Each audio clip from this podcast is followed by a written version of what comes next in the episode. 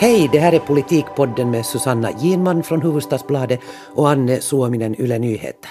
Och idag frågar vi om det politiska landskapet kring det svenska i Finland har förändrats eller håller på att förändras riktigt sådär grundläggande. Vi ska så här mot slutet av året eh, dra ihop, göra ett sammandrag av vad regeringen Sipilä har gjort med tanke på svenskan i vårt land. Och det här är faktiskt vår allra sista podd som det nu ser ut.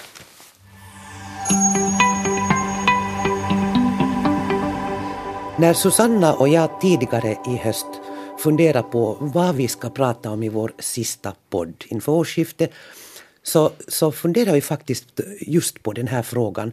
Eh, svenskan, regeringen Sipilä, kunde man titta lite på tingsrättsreformer och andra beslut som den har fattat som på något sätt kan upplevas som domänförluster. Ja. ja. Ja, och vi tänkte också lite på det här politiska samarbetet mellan olika partier liksom kring svenskan och så här. Men sen blev det här ju då plötsligt väldigt, väldigt rykande hett aktuellt i och med den här jourreformen som riksdagen nu alldeles nyligen har, har behandlat ganska dramatiskt.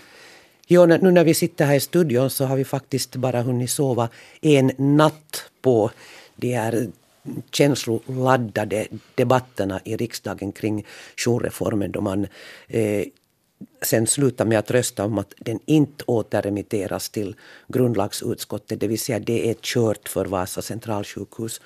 Men det här med att sova på en natt så, så gör ju ibland eh, kanske att man, man lugnar ner sig lite också.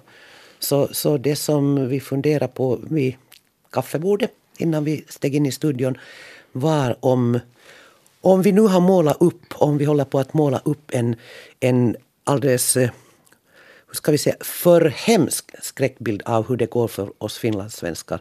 Är, är det här faktiskt en, en avgörande eh, fråga att Vasa centralsjukhus förlorar sin, full, sin eh, vad heter det, omfattande jour? Eller är det här någonting som, som man kan leva med och i så fall hur gör man det? Ja, för det går ju ibland så här i stridens hetta och kanske det inte gäller bara oss journalister utan det kan nog också gälla politiker att, att man liksom eh, tar till brösttoner och överord. Jag säger inte att det har varit så nu den här gången, men, men, det där. men jag ska faktiskt citera KDs Peter Östman som eh, ställde frågan, till exempel när han höll ett anförande i riksdagen här igår, att att är det så att, att många österbottningar tror att det här nu betyder att i stort sett hela Vasa centralsjukhus kommer att läggas ned, vilket det här ju inte betyder, åtminstone i det här skedet. Och det kan finnas något lite berättigat kanske i den frågan också. Och då vill jag inte säga att det inte är allvarligt, för det är klart att det är väldigt, den grundläggande frågan är ändå väldigt allvarlig och det handlar ju om rätten till vård på sitt eget modersmål oberoende av så att säga en hur allvarlig sjukdom man lider av. För det är ju det som det här nu handlar om. Äh, allvarliga fall som, som då måste liksom vidare till, till äh, ett sjukhus med omfattande jour. Precis. Eh, när, när vi har sett vad allt som har skrivits nu om eh, debatten i riksdagen så, så är det också slående att hur ska jag säga, de här väldigt känslosamma och helt förståeliga inläggen, anförandena från SFP framför allt men också resten av oppositionen så har fått eh, 100 procent av utrymme i medierna. Eh, jag har inte sett eller hört eh, en enda regeringsrepresentant varken i radio, tv eller i Hufvudstadsbladet nu i rapporteringen och, och så där som journalist så lär man ju sig att man ska alltid också ge utrymme för att och lyssna till den andra parten. Hur argumenterar de? Varför vill regeringen ha just det här beslutet? Varför beslöt man sig för att köra över eh, de, de språkliga rättigheterna eller grundlagsutskottets syn på vad som hade varit den bästa lösningen, det vill säga 12 plus 1. Att men, Vasa också skulle ha fått ja, ha omfattande men, men sen måste jag ju säga att Jo, men eh, eftersom jag nu eh, har varit ledig så har jag haft en möjlighet att lyssna på den här debatten via nätet. Från början till slut och det har säkert varit ett hundratal inlägg. Det har alltså varit en massiv debatt. Och eh, det slående är ju att eh, regeringens riksdagsledamöter inte har egentligen deltagit. Precis. Sari Sarkomaa eh, själv utbildad inom hälsovården eh, är den som har fått så att säga föra regeringens, vara regeringens röst i plenisalen. Någon enstaka centerpartist. Nilo Keränen uttalar sig då på måndag kväll. Ja. ja. Och sen då sannfinländare men, men det har ju varit typ när Teo Hakkarainen som då har eh, ansett, han ansåg till exempel i sitt inlägg att eh, att det här med att nu diskutera språkliga rättigheter så det, det, är, ju, det är ju totalt överdimensionerat och det har inga som helst proportioner. Att, att vem diskuterar, vem hjälper de, de här sannfinländska heteromännen som hela tiden utsätts för attacker? Att också det borde tas upp på samma liksom, nivå. Så att, att det har varit den här nivån på, ja, på de sannfinländska... Det sannfinländsk nivå ja, måste man ju säga. Men de här, de här liksom uh, riktiga seriösa, seriösa inläggen från regeringspartiernas sida så har varit otroligt få ja. och den ansvariga ministern Juha Rehula har inte ens funnits på plats. Så det Nej, är ju inte så hemskt. Ja, det är ju inte så hemskt eh, lätt då heller om jag nu ska försvara det här att de inte har fått uh, synas och höras Precis. i rapporteringen. Ja. Så det är inte så lätt om det inte finns. Nej, och, det, och det är ju den frågan som varken eh, oppositionspolitikerna eller vi journalister tror jag riktigt har förstått är det att varför är det så sjuttons bråttom eller var det så väldigt, väldigt bråttom med den här lagen som handlar om jouren eftersom alla andra lagar som hänför sig till vårdreformen ju kommer senare. Och det är ju många eh, politiker som har sagt att, att man borde ha, behandla dem alla så att man har en helhetsuppfattning. Och det här har jag inte hört någon förklaring till. Man Nej. säger att det här är en budgetlag och därför måste den godkännas nu. Men de facto, jag kan inte förstå hur mycket den här lagen kan påverka nästa års budget Nej, alltså eftersom den ska, den ska träda i kraft senare. Ja, från 2018. Ja, och, och fullt ut väl 2019 ja, egentligen. Ja. Precis som resten av vårdreformen. Så att, så att här finns liksom frågetecken som för mig framstår det som så att regeringen och regeringspartierna vägrar så att säga att svara på de här frågorna. Så att i den meningen så får de ju nog så att säga lite skylla sig själva faktiskt. Ja, i, i den meningen har ju det här varit ett eh, praktexempel på maktpolitik. Verkligen. Där regeringen har ursprungligen bara fattat det här beslutet att det ska vara 12 utan att motivera det desto mera och mera ingående. Och så kör man sitt race oberoende av grundlagsutskott och eh, expertuttalanden. Så att, och det är nog faktiskt konstigt eftersom det, man kan inte ens med ekonomi motivera att det inte skulle kunna vara 12 plus 1, alltså 13. För att eh, Tuomas Pöysti som ju är den här stora eh, reformmannen och håller i alla trådarna nu när det gäller både vårdreformen och landskapsreformen så han har sagt att det skulle inte bli nämnvärt dyrare även om Vasa skulle ha fått hålla, ha den här omfattande jouren. Så man kan inte ens liksom hänvisa till det, vilket ju annars är ett argument som liksom är väldigt gångbart, att man bara säger att nej, det, det blir för mm. dyrt. Och det brukar accepteras ganska mycket. Så att visst är det konstigt. Och jag menar just det här antalet 12 är ett helt politiskt beslut. Lika väl kunde det vara 13.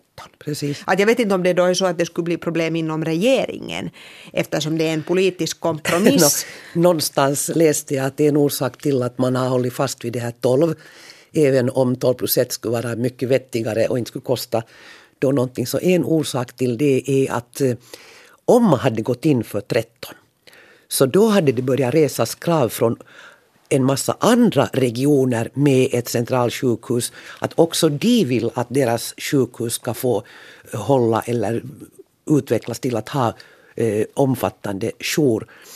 Och eh, kan så vara förstås.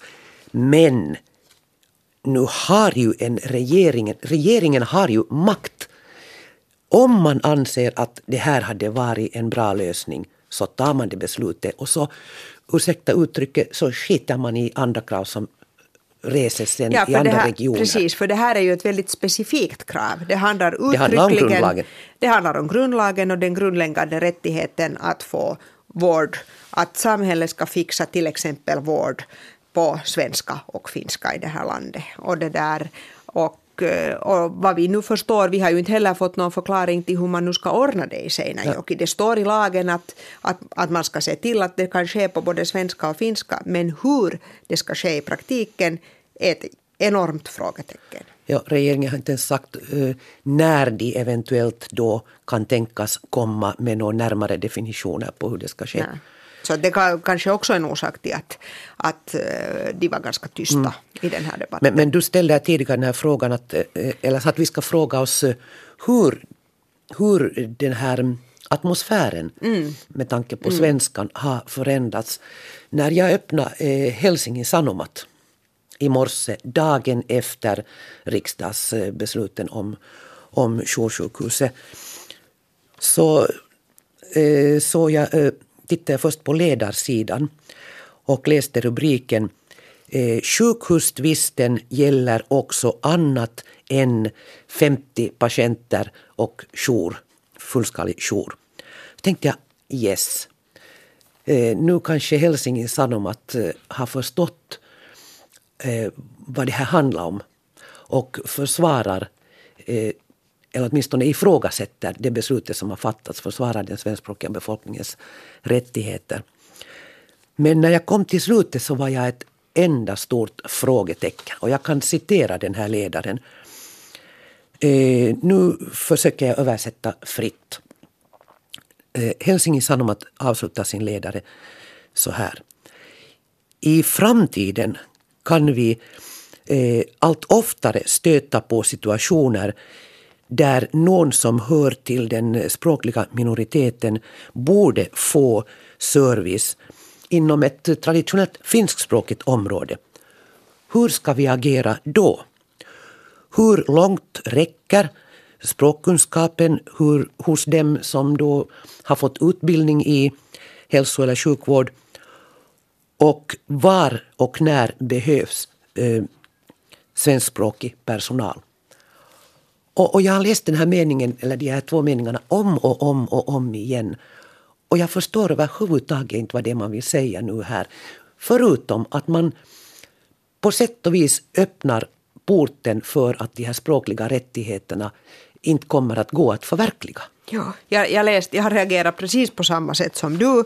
Eh, Helsingin Sanomat har tidigare ofta faktiskt försvarat det tvåspråkiga Finland och, och liksom betonat hur viktigt det är att vi har de här båda språken på ett väldigt bra sätt. Så jag väntar mig också samma sak. Och, och jag, jag tolkar det också på det sättet att, att nu finns det av olika orsaker måste man centralisera eh, samhällsservicen. Och, det där, och att tyvärr så kan det då alltså gå så att det nu är omöjligt att, att, att stå fast vid det som står i vår grundlag. Och det är nu en ganska sorglig tolkning måste jag säga faktiskt på många olika sätt och särskilt nu när det gäller sådana här grundläggande som vård och eh, utbildning som det nu inte har handlat om, men i alla fall. Att det, där, att det här är nog faktiskt lite bekymmersamt tycker jag.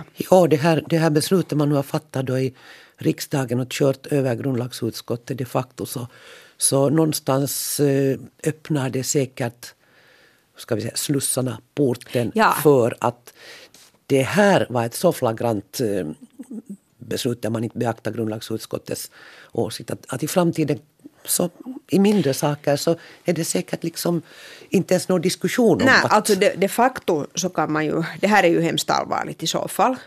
Och, och tyvärr har det också skett, tycker jag, tidigare under den här perioden. Jag tänker till exempel nu på sådana här um, frågor som gäller de asylsökande och flyktingar.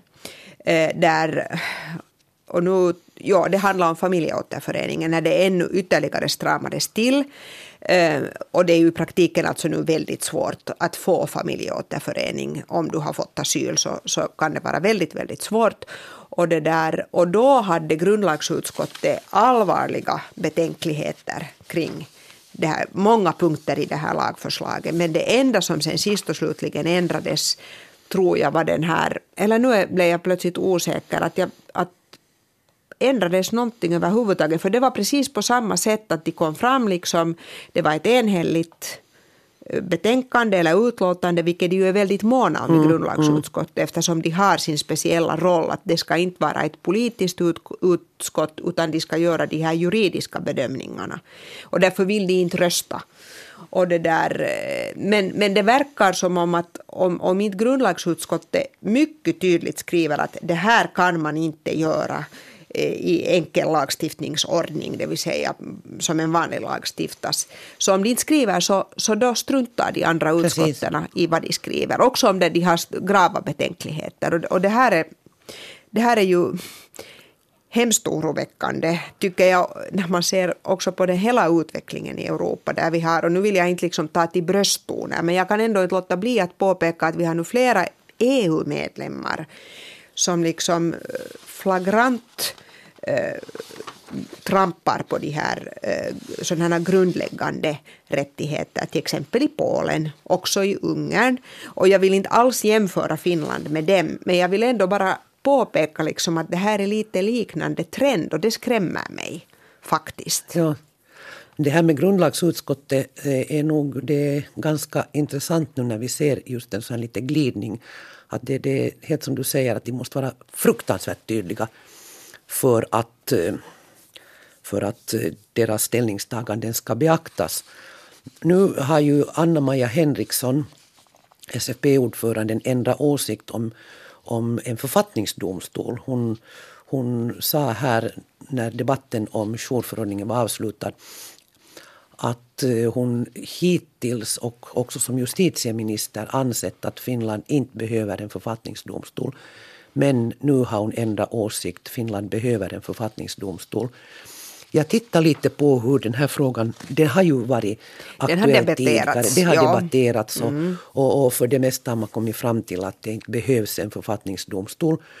Eh, strax innan den här regeringen tillträdde så eh, efterlyste eh, Sannfinländarnas ordförande Timo Soini en författningsdomstol. Då var han i opposition. Och då handlade det bland annat om, om den här tunga behandlingen av social och hälsovårdsreformen då, i den version Precis. som den hade då. då gick ju, den reformen gick ju i stöpet ja. eftersom grundlagsutskottet konstaterade ja. att den inte är grundlagsenlig.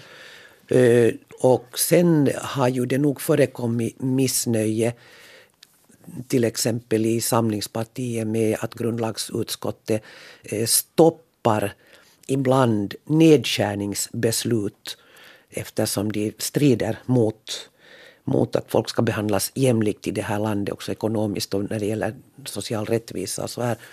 Eh, de har sagt att, eh, att grundlagsutskottet det, att det är dåligt att grundlagsutskottet kan hindra beslut som är viktiga för att eh, få ekonomin på fötter. Nåja, men den här diskussionen har aldrig lyfts så där mm, riktigt på riktigt ordentligt. ordentligt. Så det var nog ett radikalt alltså förslag av Anna-Maja Henriksson. Förslag. Och det där, det är ju inte det är ju två helt olika saker alltså. För att ja. grundlagsutskottet granskar alltså lagarna på förhand. Och, det där, och som sagt var, om, om det skulle vara då någonting som strider mot grundlagen så finns det två möjligheter. Antingen skriver man om den där lagen så att den följer grundlagen eller så behandlar man den i grundlagsenlig ordning som är alltså mycket tyngre. Att det ska vara en större majoritet i riksdagen eller det ska behandlas i två riksdagar efter varann. Um, Medan en sån här författningsdomstol då funkar alltså i efterhand. Och Tyskland till exempel har ju en sån. Men i de nordiska länderna har vi inte författningsdomstolar. Och, det där, och där är ju ett problem då i så fall. Jag menar USA har ju en. Och ingen, jag tror inte att någon vill ha kopiera exakt det systemet men samma risk finns ju, skulle ju finnas också här. Det vill säga att då är risken att de här utnämningarna till den här författningsdomstolen lätt blir mer eller mindre politiserade. Mm, mm. Och det är inte heller bra. Nej. Eh, I höstas, jag tror det var någon gång, nåja, i varje fall tidigare i höst, så eh, gjorde tankesmedjan Libera en rapport som handlar om vår grundlag och också om ett eventuellt behov av en författningsdomstol. Paulino, Paulina Koskelo, Pauline Koskelo. Eh, tidigare, tidigare president för Högsta domstolen. Ja, så eh, stod för en del av den här rapporten. Eh, hon stannade för att vi behöver en författningsdomstol. Hon gick inte in på, på enskilda eh, beslut, lagar som har fallit där eller så, utan hon tog fasta på det att, att grundlagsutskottet egentligen har allt för lite tid att göra ett tillräckligt bra jobb hela tiden. Hon och det har man ju verkligen sett. Det har man sett nu. verkligen nu. Hon, hon ifrågasätter inte grundlagsutskottets roll. Det, det ska kvarstå definitivt. Men hon efterlyser bättre resurser, mera experthörande och, och, och tid uttryckligen för att uh, behandla lagar i den ordning som och den tidtabell som de förutsätter. Men hon, hon, tycker också att det behövs en författningsdomstol för den här efterhandsgranskningen. Eftersom eh, det trots allt kan hända sig, så som det har gått mm. nu, att eh, det kommer ut lagar som sen med facit på hand ändå inte följer grundlagen. Ja, man kan, ju särskilt, man kan ju säga att särskilt nu när vi ser att den här regeringen liksom har gått in i en helt ny fas av att inte göra konsekvensbedömningar. Jag menar, det har inte gjorts någon ordentlig språklig konsekvensbedömning till exempel av den här jourreformen. Nej. Så att på det sättet kan man ju förstå faktiskt det här argumentet. Men hon, hon tycker då att båda behövs alltså. Hon tycker definitivt att båda behövs mm. plus att, att eh, författningsdomstolen så som hon förklarar det så skulle ingalunda vara det här att nu har vi här en författningsdomstol med de och de och de och de medlemmarna och den sitter nu där och rullar tummarna största delen Precis. av tiden och väntar på att, eh, att det ska komma några lagar som man kanske borde titta på i efterhand. Nej, så här ska det inte se ut. Utan det handlar om att, eh, att man har eh, ett antal författningslärda experter som vid behov kompletterar en domstol, det nuvarande domstolsväsende alltså, som, som säkert får något arvode för att eh, vara så att säga eh, i beredskap. Men, men det här, det, det är så tillvida ett ganska lätt system. Det är inte någonting som man institutionaliserar och, och bygger en ny byggnad för. Mm, precis, just det. Men om vi nu funderar vidare på sådana här lås så att säga för att hålla fast, se till att grundläggande rättigheter mm. så att säga inte körs över eller att man inte bryter mot grundlagen så finns det ju redan som det är nu ytterligare en möjlighet och det är ju det att alla lagar ska stadfästas av presidenten. Och presidenten har faktiskt rätt att låta bli att stadfästa en lag. Mm.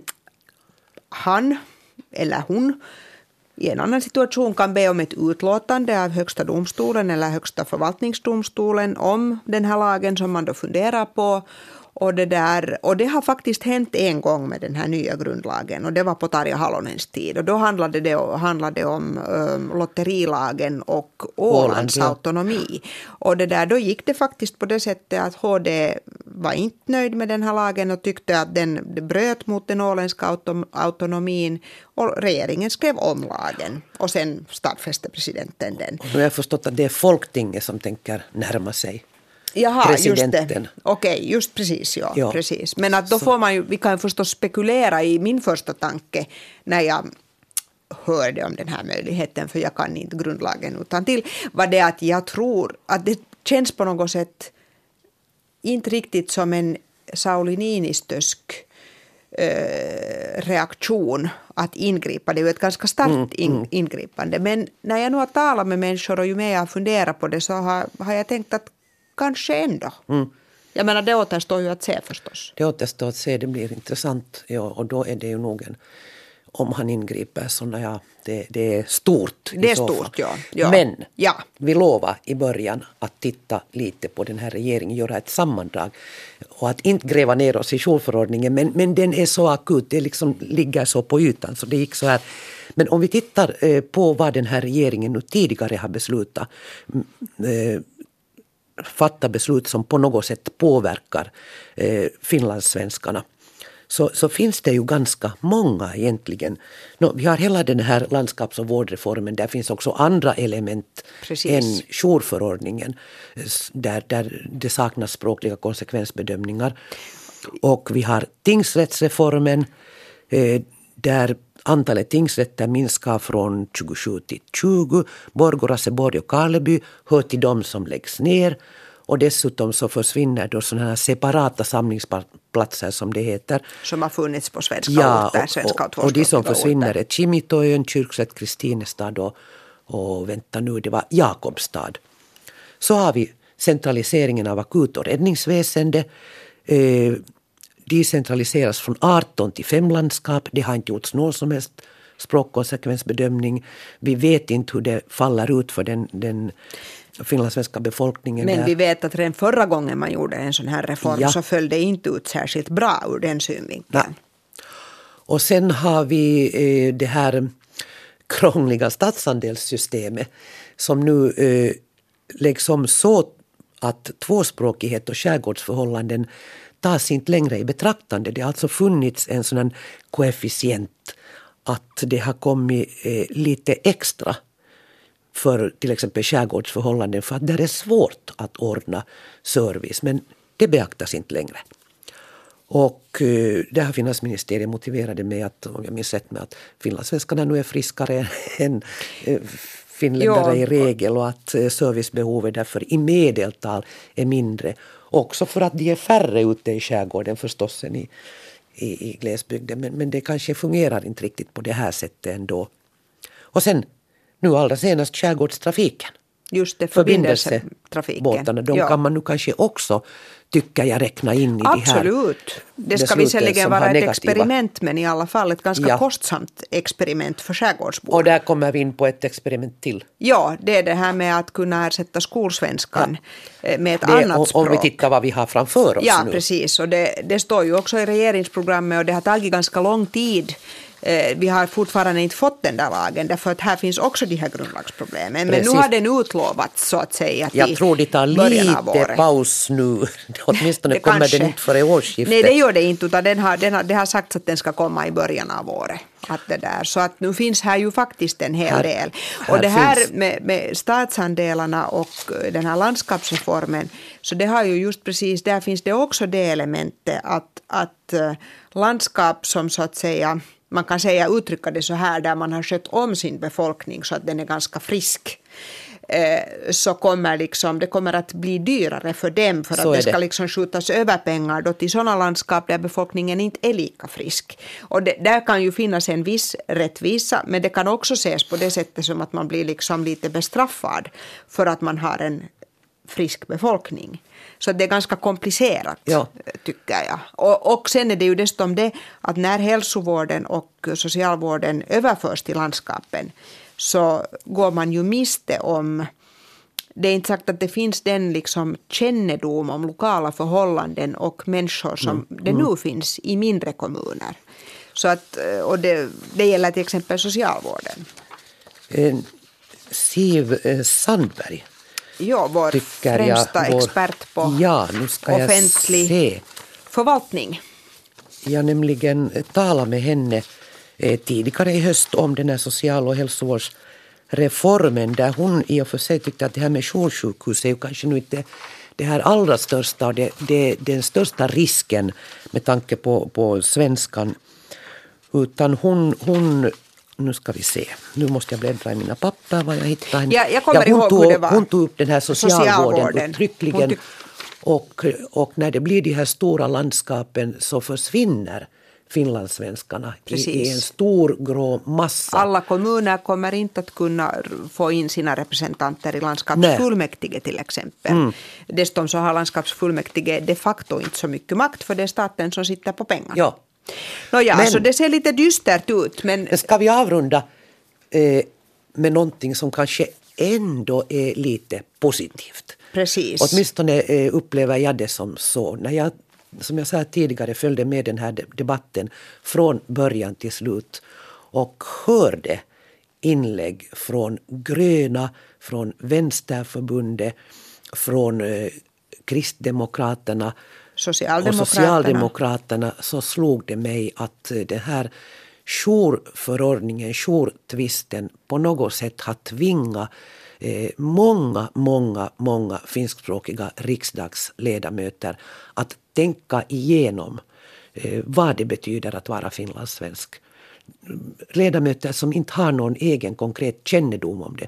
Det handlar nu inte om att socialdemokraten Marit Feldt-Ranta, eh, de grönas Ville Niinistö och Li Andersson skulle ha talat eh, varmt för att Vasa får hålla sin omfattande jour. Det gjorde de också. Det gjorde de givetvis, det gjorde de, men, men vi är vana att höra, höra ett försvar av det svenska från dem. Utan det handlar om riksdagsledamöter vars namn jag inte ens riktigt alltid kommer ihåg. Som hade satt sig in i de här frågorna och, eh, och på något sätt tycker jag eh, upptäckt att det finns finlandssvenskar som har eh, grundlagsstadgade rättigheter. Och med tanke på framtiden så, så om, om man vill se någonting positivt i, i hela det här köret så, så var det för mig en ganska mm. positiv känsla. Ja, jag tyckte också att det var hemskt glädjande att alla de här partierna liksom försvarade den här 12 plus 1 lösningen. Och många av dem som talade hade man märkte att de talade av övertygelse, att det gällde inte enbart Eh, SFPs ledamöter som naturligtvis gjorde det och har den här kännedomen. Att sen kan man ju då ändå inte låta bli att säga att det är ledsamt att både Centern och Samlingspartiet då i det här fallet inte tycks ha den här förståelsen eller inte tycker att det är tillräckligt viktigt. Nej, den har tydligen inte legat så värst djupt i Samlingspartiet som, där, där vi också kanske har varit vana vid att det finns en förståelse. Centern har nu alltid varit lite, beroende på, men, men mindre förstående. Men, men att den så här totalt har försvunnit mm. i Samlingspartiet, så det är nog en stor besvikelse. Men med tanke på framtiden, om det till exempel går så efter valet att Socialdemokraterna är i regeringen så, så lovar de nu, så uppfattar vi det båda att att det här beslutet om, om Vasa och jouren så rivs upp. Precis. Så det, det, får man ju hoppas då i så se. fall om det går så att de sitter i regeringen. Precis. För ofta blir det ju liksom sen ändå, ska vi säga, bara tal i plenisalen. Jo, så är det förstås. Ja. Men nu får vi väl tacka för oss. Vi har haft ganska roligt när vi har hållit på med de här poddarna. Det har varit mycket roligt och utmanande. Vi har gillat det skarpt. Yep. Tack ska ni ha alla ni som har lyssnat på oss. Tack och hej hej. Hej hej.